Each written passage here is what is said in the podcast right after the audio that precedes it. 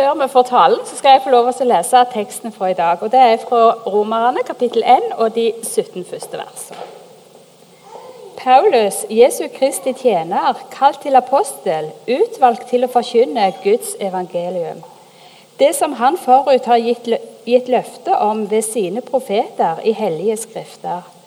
Om hans sønn, han som etter kjødet er kommet av Davids ett og som etter hellighetens ånd er godtgjort å være Guds veldige sønn ved oppstandelsen fra de døde, Jesus Kristus, vår Herre.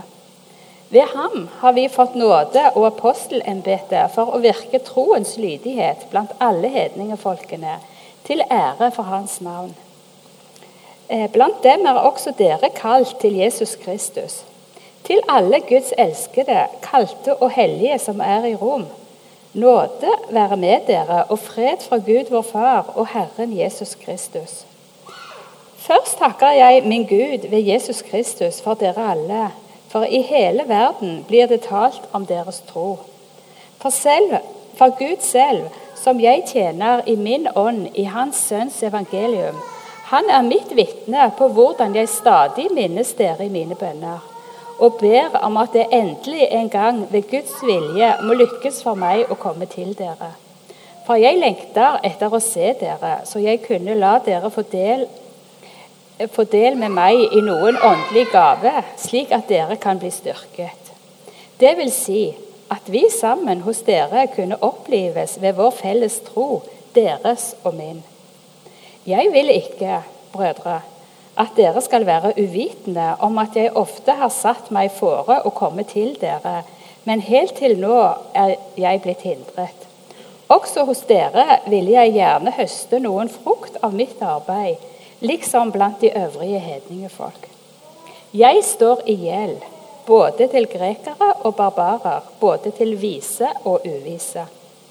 Derfor er jeg for min del rede til å forkynne evangeliet også for dere i Rom. For jeg skammer meg ikke ved evangeliet, for det er en Guds kraft til frelse for hver den som tror, både for jøde først, og så for greker. For i det åpenbares Guds rettferdighet av tro til tro, som det står skrevet:" Den rettferdige av tro skal leve. Jeg leste om en eh, lid eller seniorpastor som da var jo pastor for mange andre pastorer i USA. De hadde en samling. Og eh, Så begynte flere pastorer å fortelle at i deres menighet så var det mye uro. Så var det litt vanskelig å sette ord på det, for det var liksom ikke sånn bråk og, og, og uro og gnisning. Det var ikke nødvendigvis det det gikk på, men det var en uro som var vanskelig å sette ord på. Og Noen begynte å tenke på ordet åndskamp og syntes det var vanskelig å finne ut av disse tingene. Og Så spurte hovedpastoren hva studerer dere i menigheten om dagen. Og Da dukker det opp at den ene etter den andre menigheten studerer romerbrevet. Nå skal vi bruke en hel høst på romerbrevet. Og Jeg har bare lyst til å si med en gang at eh, det er det samme som å vekke ånder og utfordre åndeverden. Så sånn begynte vi i høst, altså. Um,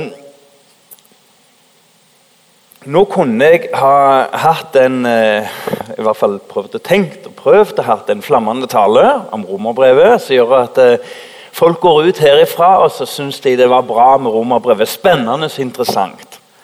Og det holdt jeg på å si En kan ikke la være å prøve på det. Vi gjør det jo ikke kjedelig for å gjøre det kjedelig. Men vet du det? Det er bedre med én fugl i hånda enn ti på taket. Fokus, Styret i Fokus har bestemt at vi skal satse på de fire b-ene. For Lukas han så et mønster i apostelgjerningene. At de fire b-ene de ga alt i Guds rike. Bibel, bønn, brødsbrytelse, nattverden som vi hadde nå, og brodersamfunnet. Jeg har bare lyst til å si med en gang La oss gjenvinne gjestfriheten i fokus. La oss alltid, hver høst og hver uke, gjenvinne gjestfriheten. Utrolig tungt å gå i et fellesskap og ikke bli invitert. Og så skal ikke alle gjøre det sånn som Vigdis gjør det. Jeg er gift med Vigdis. Du må gjøre det på din måte. Det er veldig viktig. Så ikke vi pålegger oss noe sånn ekstra eller introverte personligheter som egentlig bare er et ork. Men disse b-ene var viktige. Og da kan jeg for så vidt si at eh, hvert møte her skal være liksom så bra som mulig. Men strategien til fokus er at du og jeg leser og tillegger oss Guds ord. Skru på radioen på den kanalen som du vet er bra for deg. Les de bøkene som du vet er bra for deg. Du er ikke nødt til å lese Øyvind Andersen. Du er ikke nødt til å gå dypest inn i de tunge tingene som Luther har skrevet. Det er utrolig mye bra, og faktisk mange bra romaner som gir dyp innsikt i både kirkehistorie, lidelse og medgang og vekkelse. Og ikke minst tegne et sunt og godt gudsbilde. Så altså målet for denne høsten er ikke først og fremst at du skal gå fra møte til møte og si at dette tar helt av. Men det er mye viktigere at vi får et folk som leser i romerbrevet. Da begynner ting å skje. Og vet du det? Vi satser heller på at én av ti, sånn billedlig talt, leser i Bibelen framfor ni stykker som syns at et møte var supert. For det varer ikke så lenge. Guds ord det må hele veien fornyes. Det er mye større kraft i at du og jeg begynner å lese Guds ord. Ok. Romerbrevet. Eh, hva er nå en gang det? Så vanskelig å forstå. Jeg håper du har lest så mye at du i hvert fall kan tenke at eh, ja, det der romerbrevet det er veldig vanskelig å forstå. For eh, saken er det at Paulus, som har skrevet romerbrevet, han hadde ikke engang vært i Roma når han skrev det. Han satt i Korint antageligvis. Og så i ca. 58 etter Kristus, altså like lenge siden Jesus døde, så blir det altså omtrent til OL i 1994. Så så lenge er det siden. Og Jeg syns ikke det er lenge siden, men mange her ikke, var jo ikke født da. Og med en ganske ungt livsløp, eh, kort livsløp, så veldig mange i 1950, i 58 etter Kristus var født etter at Jesus faktisk var død. Så ting var kjempeungt og kjempeferskt. Og likevel en generasjon tilbake når han skriver brevet. Da sitter han i Korint. Og så skal du legge merke til en liten ganske morsom, men viktig detalj. Han starter ikke sånn som han pleier. Han pleier å starte med 'mine barn'. Og Det kunne egentlig ikke Paulus gjøre, for det var jo ikke han som hadde starta menigheten. Valgte ut av Gud, vel merke til det. Så da passet det seg ikke med mine barn. Og så En ting til som vi kan legge merke til med en gang. det var det at eh, I Roma så var det mange som var negative til Paulus. Han var altfor liberal. Han hadde ikke innsikt i ting og tang. Eh, hvordan Guds rike måtte være. Og var stor forargelse over Paulus. Så han ligger egentlig ganske lavt i begynnelsen av romerbrevet. Har jo ennå ikke vært der. Og så vil jeg bare si det med en gang at er, Rom, Menigheten i Roma er et resultat, sannsynligvis Og dette er herlig av pinsevekkelsen. Og vet du hva? Pinsevekkelsen er for alle. Og jeg syns vi kan spandere på et halleluja. Kan vi gjøre det? Kan vi si halleluja? Herlig. Fordi uten pinse er alt håpløst og dødt. Er det ikke det? For i Roma så ikke, nei, i Jerusalem så forsto ikke folk det, for de var jo fra all verdens steder. Noen på pilegrimstur, noen på handelstur. Uansett så drar de tilbake fra Jerusalem på pinsedag. og Så er de satt i brann, og så får evangeliet bein å gå på. Og de går helt til hovedstaden. Og Legg merke til at de første kristne de oppsøker de store sentra. De oppsøker de store metropolene, der ting kommer og går. Der kulturer, religioner dør og oppstår. Um, og Midt oppi dette her så har vi noe ganske interessant. Og det er det at uh, Paulus uh, Brevet til romerne, de kristne i Roma, det er under enorm diskusjon. Har dere hørt om en som heter Tom Egeland? Det er en forfatter som har vært oppe i media nå. Han har skrevet ei bok om Paulus og Jesus. Og vet du hva han sier? Det er nesten, Jeg, vet ikke, jeg syns det blir flaut. Jeg mener ikke å henge han ut som en idiot, for Tom Egeland har jo skrevet noen eh, veldig bra kritikerroste eh, bøker fra si, roman, krimromaner fra de, blant de første kristne. Kulturen rundt der. Men den boka her er bånn i bøtta. Ikke først og fremst fordi jeg er fornærma, men hun er bånn i bøtta. Og hun er òg blitt omtalt som det. Heldigvis. For det han skriver, det er det at eh, Jesus, ifølge Tom, var snill, inkluderende, omsorgsfull, raus og nådig. Og Den beskrivelsen der må vi ikke gå imot. Han var jo det. Mens Paulus derimot, han ødelegger det meste. Han var intolerant. Han var en sjåvinist. Han var en mørkemann. Og på toppen av det hele så er det egentlig han som har ødelagt alt rundt Jesus. For han har fått de kristne til å tro at Jesus var mer enn et menneske som gjorde godt, et ideal. Han løfta han opp til Gud. Så Paulus er i bunn og grunn roten til alt mørkt i kristendommen. Stemmer det? Kildekritikk lever vi jo i dag. Alt skal kritiseres. Skal det ikke det? Det skal sjekkes og kontrolleres. Var det ikke Jesus som sa til de som hadde brukt et helt liv på å tjene ham Øksa ligger ved roten. Det er ikke en lykkehilsen. Øksa ligger ved rota. Hele livet hadde de brukt. Tjent Herren. Øksa ligger ved roten. Var det ikke han som sa Var det ikke Jesus som sa at um, eh, Ormungel Det er ikke noe eklere enn å se på et ormebol. Små slanger som snor seg om hverandre. Det kalte han sine egne brødre og søstre. Ormyngel. Var det ikke han som sa til den, de han hadde mest kjær, og de som var nærmest han Vik bort fra meg, Satan. I dag tror jeg kanskje vi i Fokus vil kalt han ut fra et religionspsykologisk ståsted. Så tror jeg vi vil kalt han for en psykopat. Er du uenig? Og så sier noe sånt. Til den næreste så var mo i knærne for lenge siden. 'Elsker du meg, elsker du meg?' Han var så mo i knærne. Og så får han beskjed om å komme seg vekk. For han og Satan er ett var det raust.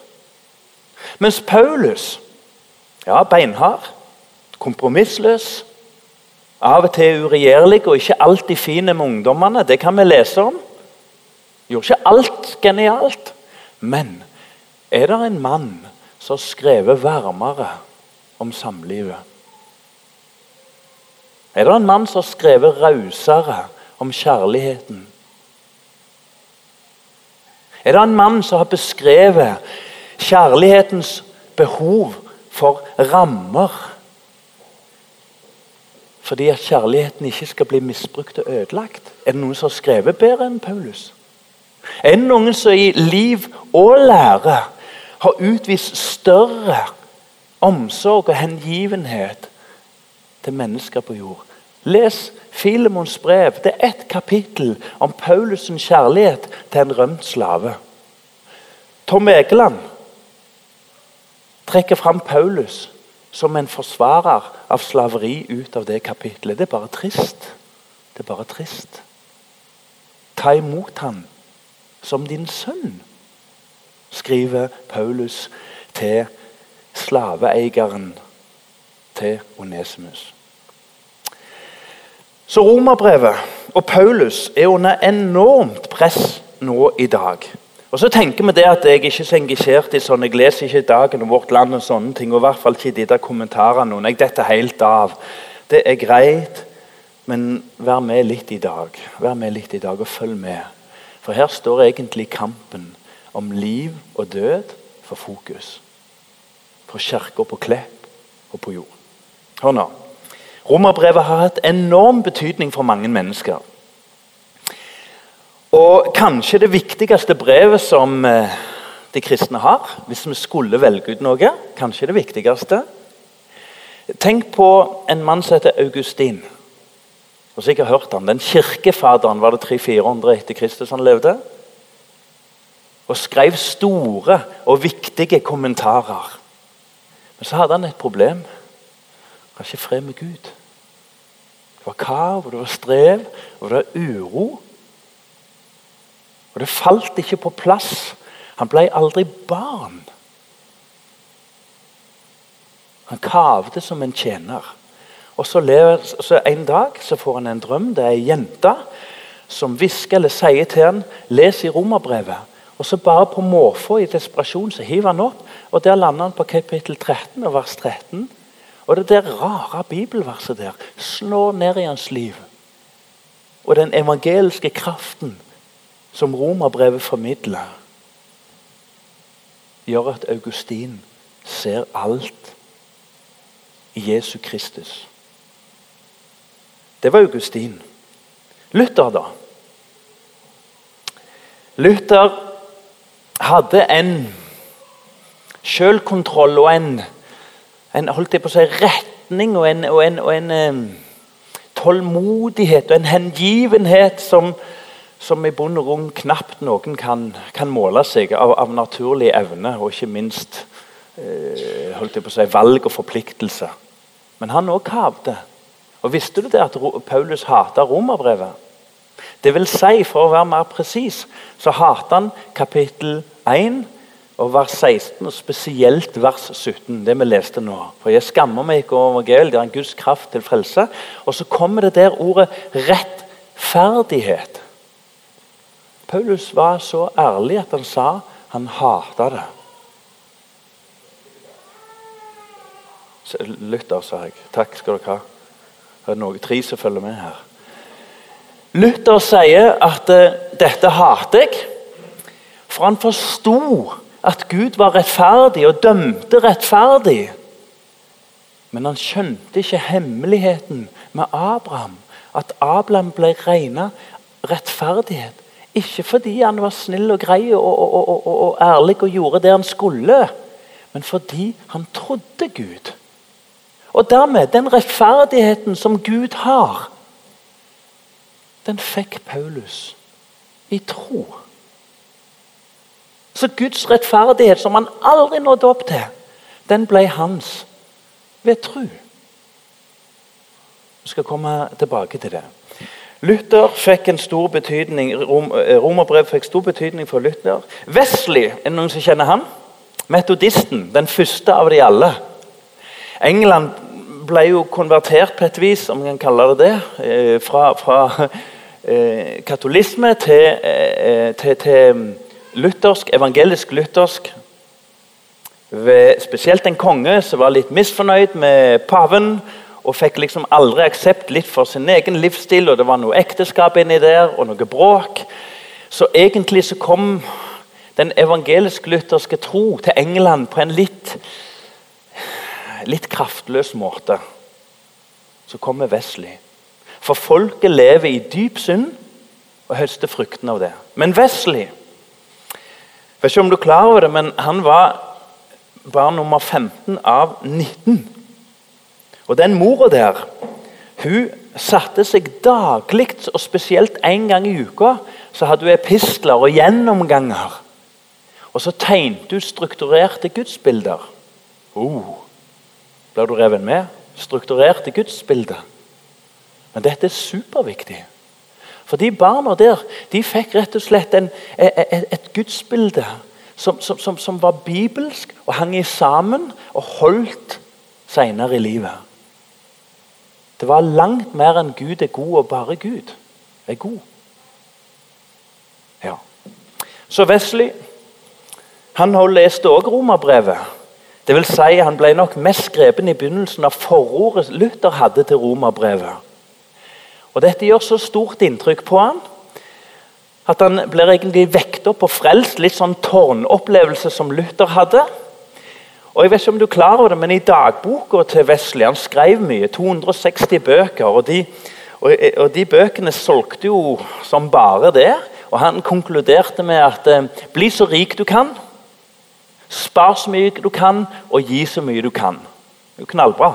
Er det ikke det? Bli så rik du kan, spar så mye du kan, og gi så mye du kan. Men det var ikke pengene det egentlig sto om. For denne mannen fortelles det selv på sine eldre dager så var han ikke snau om å gå 40 km hver dag til fots. Han var ikke snau om å sitte syv timer på en hest. Har du sittet syv minutter? Jeg husker en kompis av meg, To kompiser vi bodde i Lørenskog. og Så skulle jeg være med på å tale på en hesterrideleir, eller ridehesteleir, eller hva filler det er. Og Disse store kjøttklumpene en, Vi hadde jo sånn, en, sånn, eh, sånn, to trapper for å komme opp på hesten. vet du, Det var jo flaut. Og disse Kompisene mine de gleda seg veldig, for vi skulle ri tre dager innover i Østfold, i, i, i, i Marka. Og hvor vi gleder, Akershus, mener jeg, og hvor vi gleder oss. Og så eh, møtte de opp, og så sa jeg til dem nå møter dere i treningsbuksa. Men de hørte ikke på meg. De skulle ha dongeribuksa. Og du, hvor de blødde. Det gikk jo en halv time. for du vet, Dongeribuksa er jo sydd sammen med en sånn en greie bak der. Det har jo ikke ridebukser. Jeg lo og jeg lo. Hver morgen vet du, så sto de og Jeg sier ikke noe mer.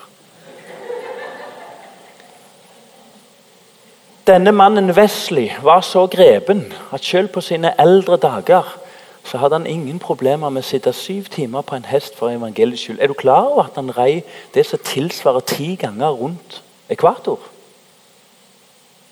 gikk til fots. Hele, hele England. Prestene var jo galne på han.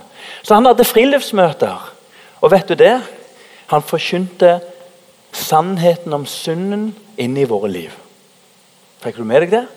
Og De ble så sinte på han at det står at de banket han opp mange ganger.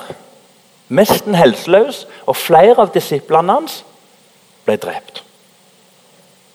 Hva var det med Wesley?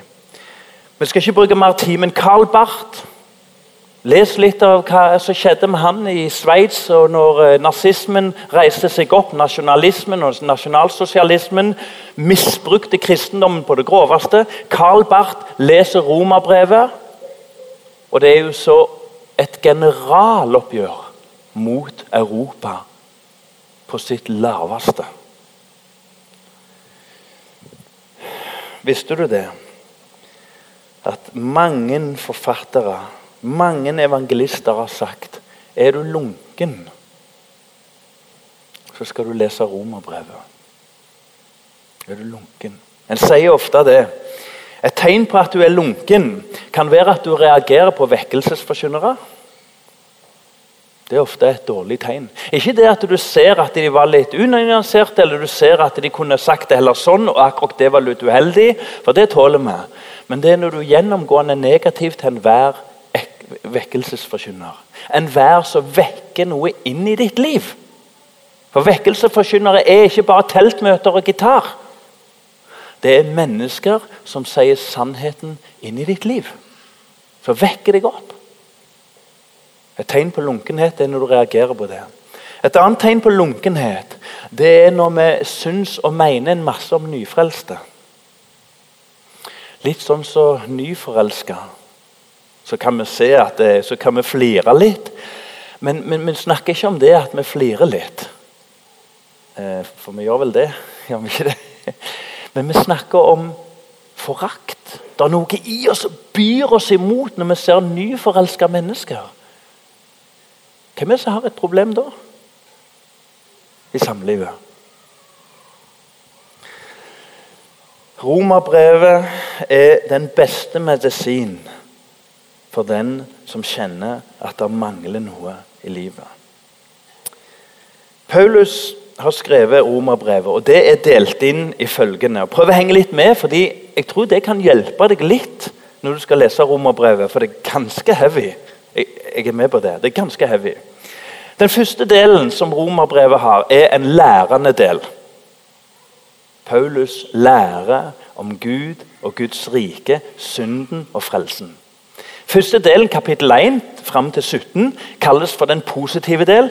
og Så kommer den negative syndslæra. Og du, hvor negativt det er. Men gå hjem og les. Det er så sant som det kunne vært sagt av oss sjøl. I, i, I, vers 24 så står det sånn, kapittel 1. De fulgte, for det står at eh, evigheten og loven liksom er lagt ned i menneskets hjerte. Og så står det sånn De fulgte sitt hjertets lyster. Er det ikke det vi gjør i dag? Ikke det den nye guden? Utenom en bedre skole òg, selvfølgelig. Det er viktig. Ikke den nye guden at du skal følge hjertet ditt? Som om det var noe å følge. For Bibelen sier at på bånd er det slettes ikke bra. Maken til knust kompass. De fulgte sitt hjertes lyster. Derfor overga Gud dem til urenhet, slik at de vanæret kroppen sin med hverandre. Og hør, De byttet ut Guds sannhet med løgn og tilba og dyrket det skapte istedenfor skaperen. Han som er velsignet evighet. Gode venner, hva er det vi ser på TV i dag? Det er en massiv undervisning til våre barn om å dyrke seg sjøl og følge hjertet sitt. Paulus er supermoderne og skriver rett inn i skandinavisk liv og situasjon. Og så Videre så skriver Paulus om frelsen i kapittel 3 til 5 ca. Og så kommer det om helliggjørelse som en frykt av frelsen. Eh, du lever og elsker Guds ord ikke for å bli frelst, men som en frykt av at du er frelst. Og så kommer det noe superviktig. I kapittel 9-11 så står det om Israel. Paulus stiller et spørsmål. Har Gud forkasta Israel, spør han. Har han det? Har du hørt noen som heter erstatningsteologi? Norge er gjennomsyra av erstatningsteologi. Inn med kirka og ut med Israel. På litt flåsete vis. Inn med kirka og ut med Israel. Gud er ferdig med Israel. Nå er det kirkens tid. Har de lest kapittel 11? Har Gud forkastet sitt folk? Og vet du hva Paulus svarer? Ikke det at for så vidt ikke, eller han sier det er litt komplisert. eller sånn. Vet du hva han svarer? Slett ikke. Kort fortalt, skjerp deg. Og Jeg skulle ønske at det ble sånn i fokus. Vi trenger ikke akkurat gå ut i 110 på alt og blogge her og mene der og, og slenge rundt oss der, men spar oss for dette. Altså For meg er Israel og Palestina og de, og så bare hiver vi ut noen nonsenssetninger, sånn at det egentlig bare er flaut.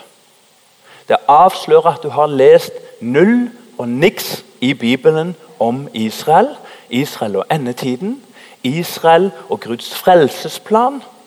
Har Gud forkasta sitt folk? Slettes ikke. Romerbrevet er superviktig. Så tenker noen ja, men, åh, det blir sånn Israel, det blir sånn, eh, det blir sånn kjepphest. Vet du hva? Paulus bruker lang og stor tid på å forstå vårt liv inni Guds frelsesplan. Visste du det? At det som skiller kristendommen fra de fleste religioner, er at Gud trer inn i historien. Det er jo som skapt for god apologetikk og trosforsvar. Gud er ikke bare én som siger inn som en røyk eller kommer ned i noens tanker. Gud bryter tid, sted og rom, og så melder han seg inn i det han har skapt ved Jesus Kristus. Og så var det når en keiser levde på en helt bestemt tid. Det er svært viktig med Israel. I hvert fall, Vær forsiktig før du har lest noe mer. Så kommer den formanende delen. Og formanende er altså ikke å kjefte på hverandre og slenge rundt seg, men den formanende del er supergod beskrivelse på et, et sant og kristent liv. Hvis du leser fra kapittel 8-9 og utover, og spesielt 12 og utover, så tror jeg du vil sagt jeg skulle ønske min familie var sånn. Det fins ikke negativt. Jeg skulle ønske min familie var sånn. Jeg skulle ønske ungene mine ble oppdratt akkurat sånn. Vet du hva jeg tror du kommer til å si? Jeg skulle ønske jeg var sånn. En formanende del er egentlig en blomst til alle Guds barn på jord. Um, jeg har bare lyst til å si at uh, Paulus, når han dro til Roma, så sender han et brev i forveien, og så blir det kjepper i hjula, og Gud har andre planer. Han får så vidt komme innom, men blir sendt rett ned til Cesarea. Og Der setter han to-tre år i fengselet, og til slutt så benytter han seg av muligheten til å klage inn til keiseren og får endelig kommet opp til Roma. Og så tenker jeg, Da er du der, da. Alle er fornøyd. Men legg merke til at Paulus har et større mål enn Roma. Han skal til Spania.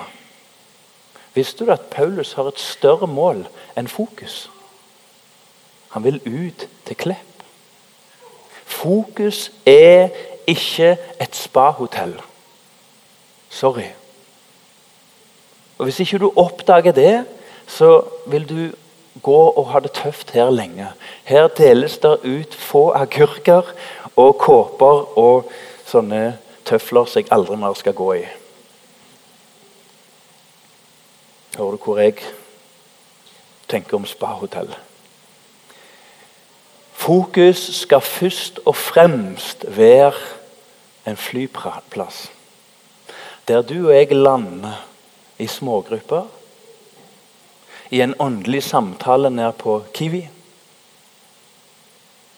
I en god samtale med dine næreste.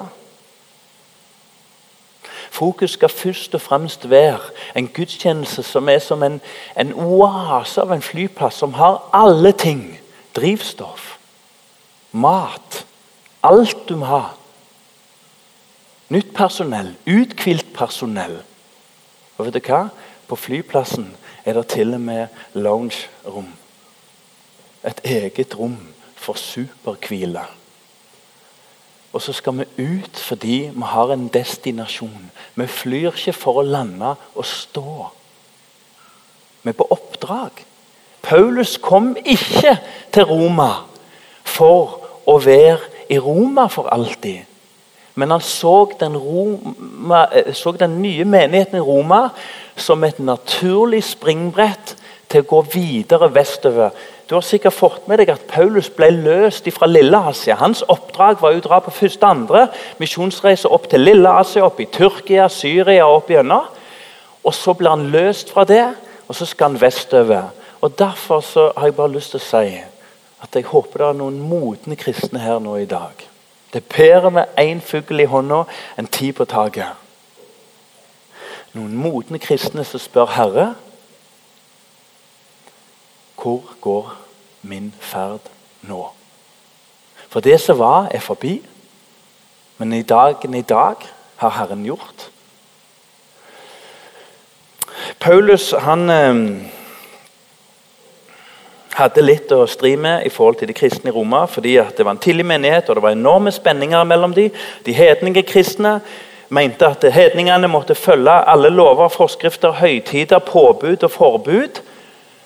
Mens de hedninge kristne så ned på de jødisk kristne og dessverre ble grepen av ånden som var blant romerne, som latterliggjorde de 40 000 jødene som en antar var i Roma, inkludert sine brødre. Så det var enorme spenninger. Men så roer det seg. Fordi en, eh, en, en, en, keiser som jeg ikke husker navnet på, han lager et edikt som sier at alle jøder skal ut av Roma. Og Så er de fem år vekke, og så snur dette, og de får lov å dra tilbake igjen. Og da begynner sjauen igjen. For da har disse hedninge kristne antakeligvis tatt over hele butikken. Og det har på et vis roa seg litt. Og så kommer de tilbake med sterke krav. Vet du det? Vi kan ikke ha en pastor eller et styre eller en formann som bare tenker fred for enhver pris. Det blir ikke noen retning av det. Vi må ikke være konfliktmye. Vi må tørre å gå inn i ting. Og samtidig vi må ha raushet i fokus. Raushet for at livet har sine sider og sine nedturer og oppturer. Raushet for det faktum at noen er svake, og noen er sterke. Noen er sterke i det, og noen er svake i det. Raushet for at noen har sett den delen av Guds rike, og andre har sett den delen av Guds rike. Og det kan hende at for Gud var det som en mosaikk, som et fasett, som skapte et helt bilde når vi kommer sammen. Det er ikke sikkert, Aslak. Ro deg ned, Aslak. Det er ikke sikkert at alle skal se alt sånn som du har sett det. For det blir som om alle, alle keramikkbrikkene var trykt ut av ett stempel. Veldig trist. Du kan snu de fire veier. That's it.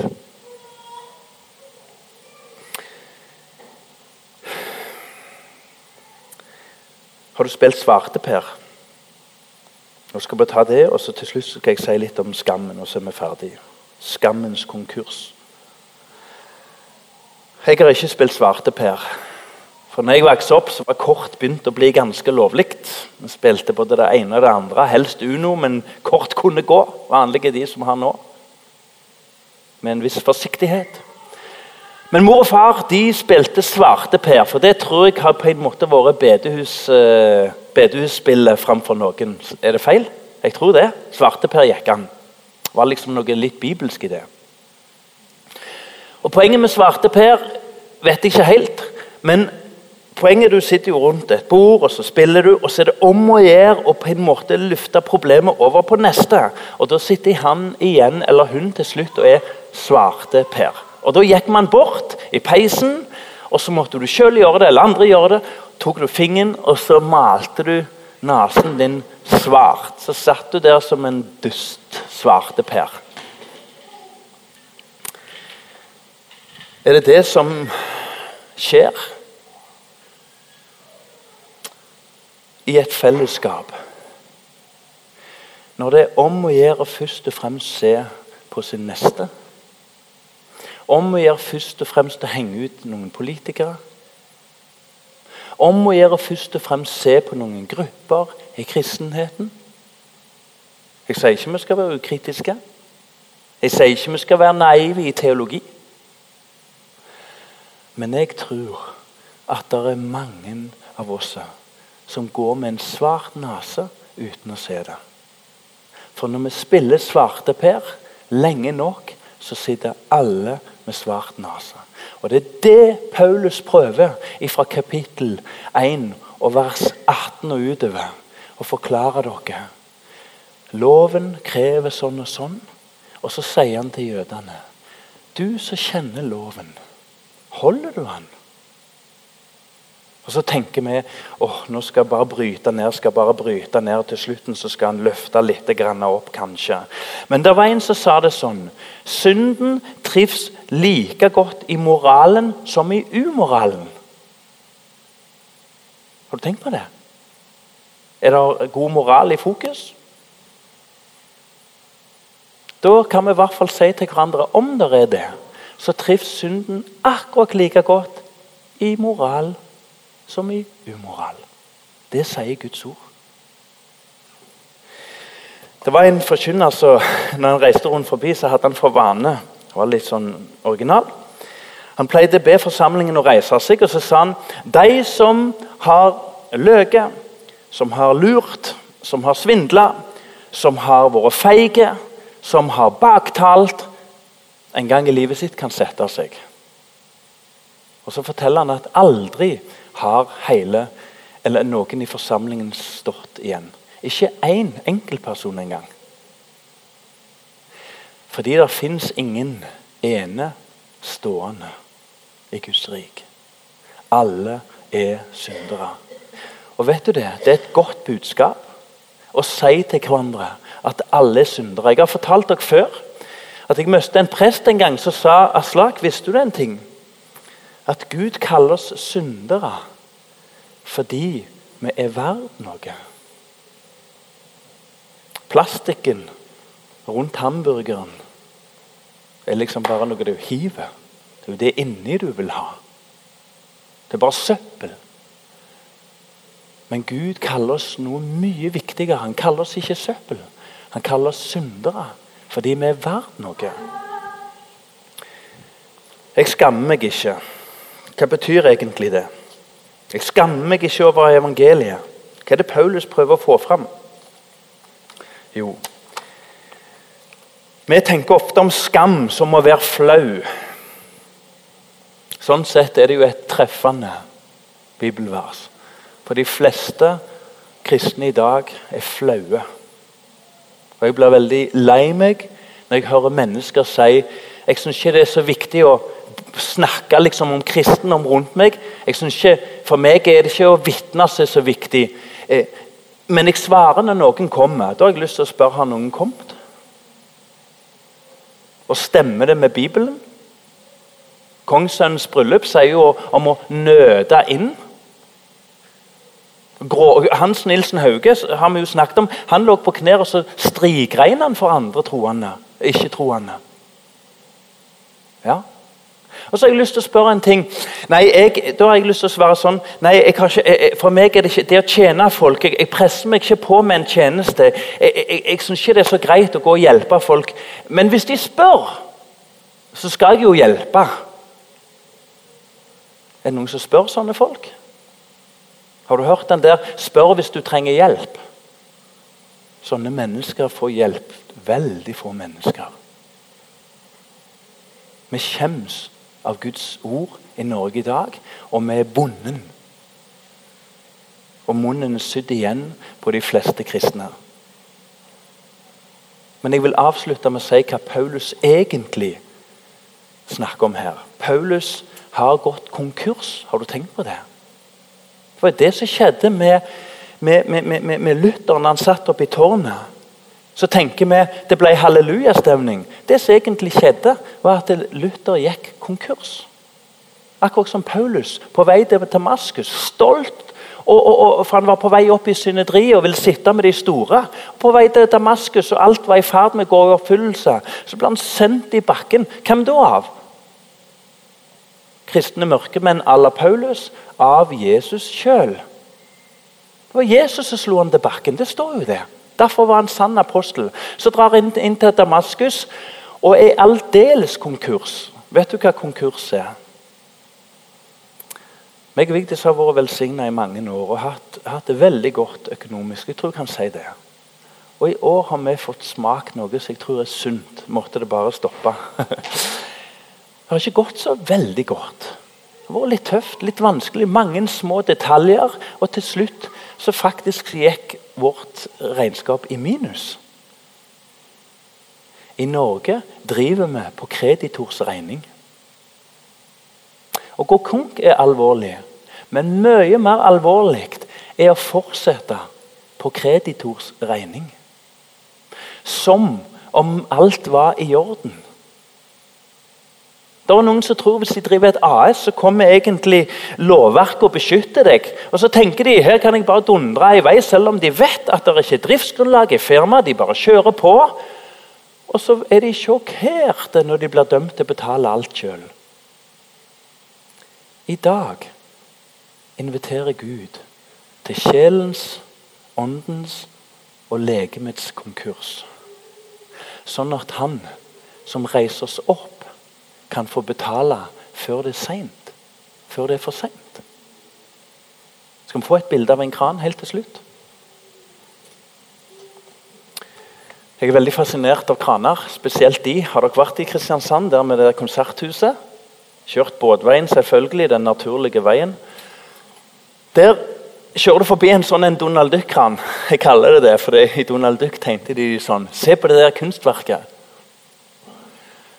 De krokene der er jo girt ned, og så er det noen kraftganger arm som noen har regnet på, og så kan du heise enorme ting med det. Visste du det? At moralen og etikken er som en kran. Guds lov er som en kran. Den kan heise samfunnet opp.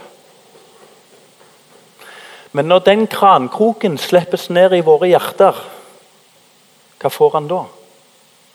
Det som å slippe ned i sjøen. I beste fall henger det syv dråper i bunnen av vann. For det er ikke feste. Gud kaller oss til å gå konkurs fordi etikk og moral kan ikke heise et menneske til himmelen. Det eneste håpet for meg og deg er ikke at Gud reparerer meg og deg. Gir oss en høyere moral og etikk. Det eneste håpet for fokus og for Klepp er at mennesker møter Gud og går aldeles konkurs. For Gud reparerer ikke, han gir nytt liv. Jeg lurer på om vi skal avslutte med å få en sang som jeg syns passer veldig godt til dette her.